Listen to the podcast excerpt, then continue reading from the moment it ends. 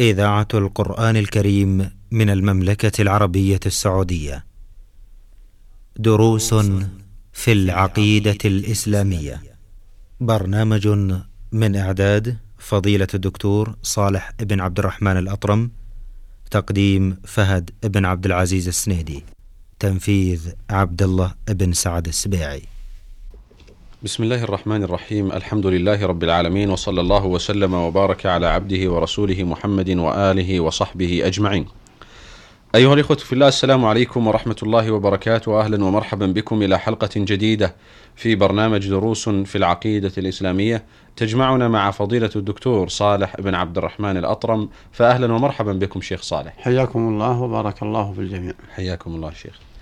في الحلقات الماضيه تحدثنا عن انواع العباده وكان آخر حديث لنا في الحلقة الماضية عن الاستعاذة.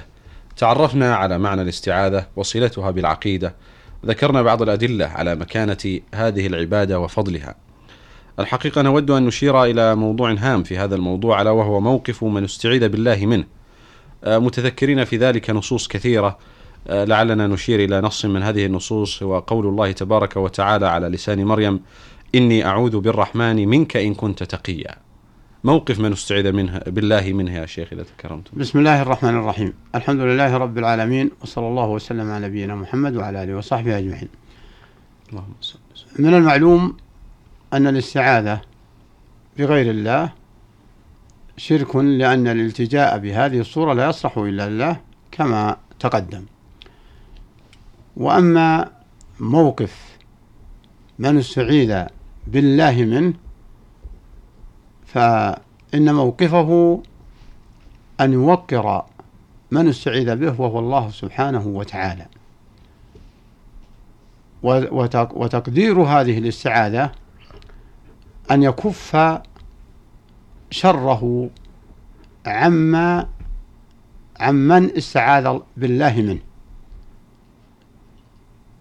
وقد يكون هذا المستعيذ يظنه شر وليس بشر.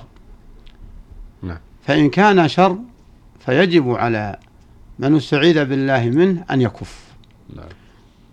تقديرا لله سبحانه وتعالى وإن كان خيرا فليخبر من استعاذ بالله منه أن ما أتاه به أو ما أراده به خير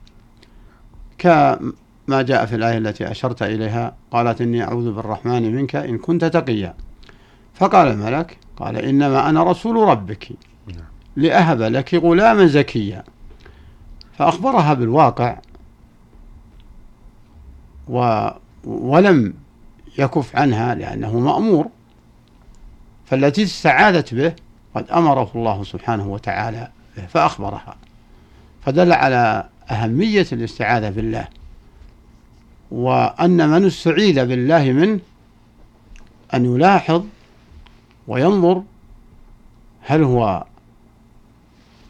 مستعاذ بالله من شره فيجب أن يكف. فإن كان عنده خير والمستعيذ ما علم ما عنده فليبين له فليبين له ذلك.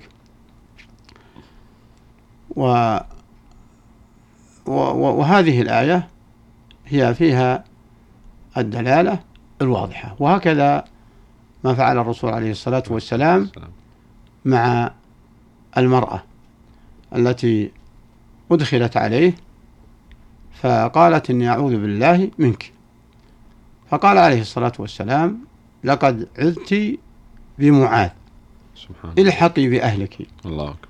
فهذا تقدير لمن لجأت إليه. فكأنها بهذا التعبير لجأت إلى الله من الرسول عليه الصلاة والسلام لتوقعها أن ذلك غير صالح لها. أما ما كان عن مراد المرأة هذا ليس لا يعنينا وإنما يعنينا توقير الرسول عليه الصلاة والسلام للاستعاذة بالله وكفه عن هذه المرأة لما استعاذت بالله. ثانيا أن الاستعاذة لا تصلح إلا لله لأنه القادر على إنقاذ من أدركه الخطر بخلاف المخلوق. نعم. نعم. آه، نص آخر إذا سمحتم الشيخ نود التعرض له نعم. ألا وهو في الحديث أن النبي صلى الله عليه وسلم قال من قال أعوذ بكلمات الله التامات من شر ما خلق ثلاث مرات لم يضره شيء. نعم. التعوذ بكلمات الله تعالى هل هو تعوذ بالله سبحانه وتعالى؟ نعم. نعم. التعوذ بالله أو بصفة من صفاته. نعم. فلو قال أعوذ بالعزيز بالرحيم بالحي القيوم كما لو قال أعوذ بالله. وهكذا التعوذ بكلام الله فإن الكلام صفة من صفات الله سبحانه وتعالى. صفة من صفات الله سبحانه وتعالى. وكانت العرب عندهم عادة سيئة شركية. نعم. إذا نزلوا منزلا في البر قالوا نعوذ بالله نعوذ بسيد هذا الوادي من سفهاء قومه. فأظهروا اللجوء لسيد هذا الوادي من الجن من سفهاء قومه الذين هم الجن. فأعابهم الله بقوله وأنه كان رجال من الإنس من رجال من الجن فزادوهم رهقا ما نفعهم.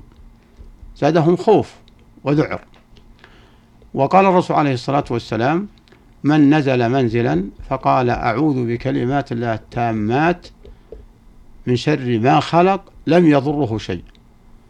لأن الله سبحانه وتعالى هو الذي خلق هذه الحيوانات التي فيها الشرور. نعم. فلا يقيك ولا يلجئك ولا يعصمك منها إلا خالقها. أعوذ بكلمات الله التامة من شر ما خلق لم يضره شيء. وهذا من الرسول عليه الصلاة والسلام وهو لا ينطق عن الهوى. ولو قدر أن أحدا قالها فلم يظهر عليه الأثر فليراجع نفسه فإن ذلك يعود إما لعدم الصدق وإما لعدم النطق بها قد فقد حقيقة التعلق بالله سبحانه وتعالى نعم.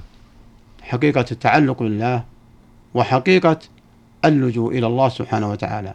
فإذا فقد هذه الحقيقة ما نفعه أن يقول ذلك بلسانه.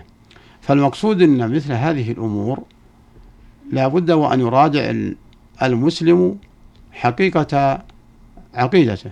أكبر. ولهذا يذكر عن بعض العلماء أنه نزل منزلا فلدغته العقرب. يقول فتذكرت فإذا أنا لم أعمل بهذا الحديث. نعم بل نزلت ولم أعمل به. وهو قوله عليه الصلاة والسلام من نزل منزلا فقال أعوذ بكلمات الله التامة من شر ما خلق. فالاستعاذة أمرها عظيم.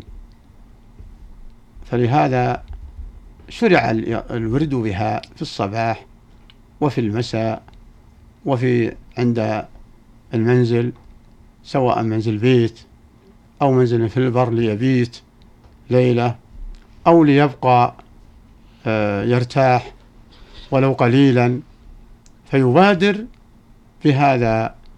الدعاء. نعم. فيبادر بهذا الدعاء ولا آه، يحقره. نعم.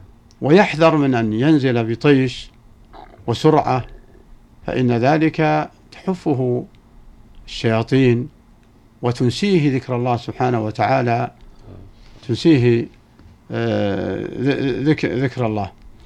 وقد آه، ذكر العلماء آه، ال- ال- الأثر على من نسي مثل هذه الأوراد. هذا الأثر يعود إلى أثر حسي أحيانا فتتسلط عليه الشياطين.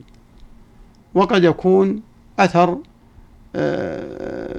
معنوي. نعم.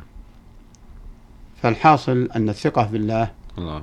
ومتابعة الرسول عليه الصلاة والسلام والتحصن بالأوراد الله. هي المطلوبة. والذي أصيبه أخوتي أن يحرص المسلم بالورد على نفسه دائما وأبدا. فقد ورد أن الرسول عليه الصلاة والسلام يورد الصباح والمساء ولا مانع أن يورد عليه من يثق به. كما كانت عائشة تنفذ في يديها في بعض الأوراد وتمسحه على جسد الرسول عليه الصلاة والسلام. و و وأحذر الأخوة المسلمين أن يعلقوا آمالهم بمن لا يعرفون عقيدته وبمن نصب نفسه لامتزاز وامتصاص الأموال من الناس.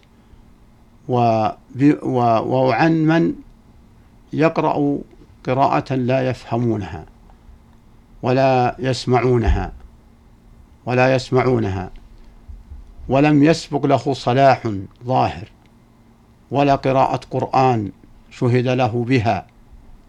فمهما قال مثل من اتصف بهذه الصفات بأنه يستعمل الأوراد الشرعية لا ينبغي أن يروج على المسلم نعم. الذي عنده الثقة الثقة بالله سبحانه وتعالى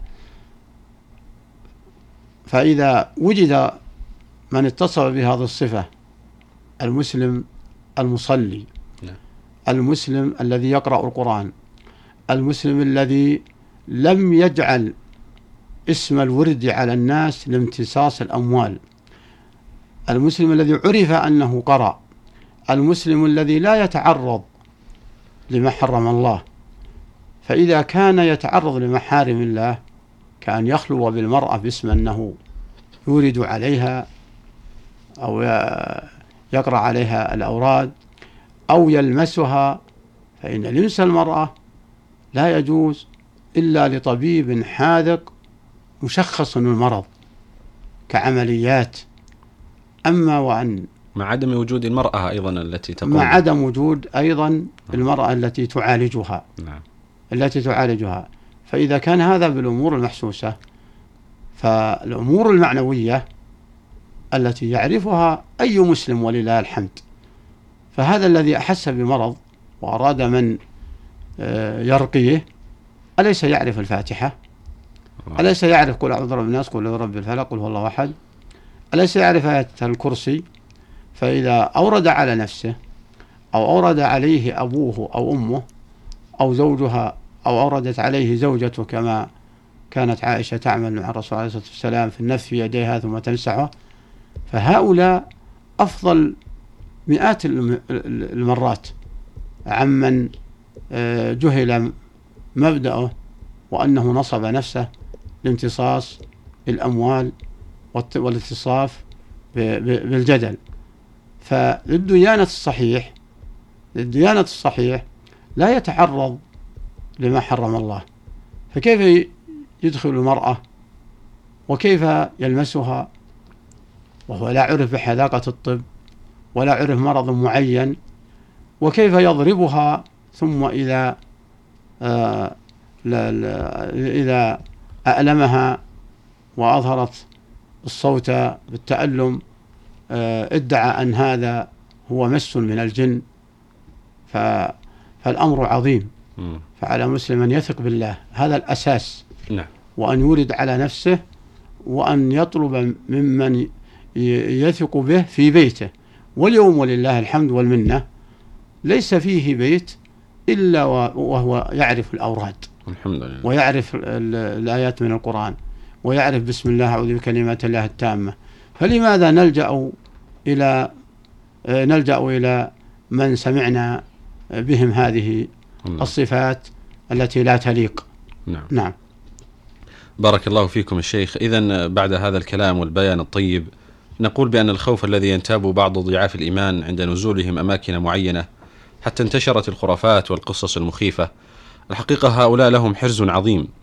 علمهم النبي عليه الصلاة والسلام أن تكون لهم صلة مع ربهم في ورد ودعاء واستعاذة في كل مقام. آه، كيف لا؟ وقد أخبر النبي صلى الله عليه وسلم المسلم أن يدعو ويستعيذ بالله سبحانه وتعالى حتى عند دخوله الخلاء. اللهم إني أعوذ بك من الخبث والخبائث. فإذا كما تفضلتم فضيلة الشيخ لا بد أن يكون للمسلم صلة بربه سبحانه وتعالى أن يستعيذ به في كل مكان ومقام. أن يقوي إيمانه بالله تبارك وتعالى ليسلم من مثل هذه الخرافات فنسأل الله تعالى أن يقينا وإياكم كل شر وأن يجعلنا وإياكم من أهل القرآن الذين هم أهل الله وخاصته. مستمعينا الكرام في الختام تقبلوا تحية زميلي أحمد الغامدي من الهندسة الإذاعية حتى نلقاكم في حلقة قادمة نستودعكم الله السلام عليكم ورحمة الله وبركاته. دروس في العقيدة الإسلامية برنامج من إعداد فضيلة الدكتور صالح بن عبد الرحمن الأطرم تقديم فهد بن عبد العزيز السنيدي تنفيذ عبد الله بن سعد السبيعي.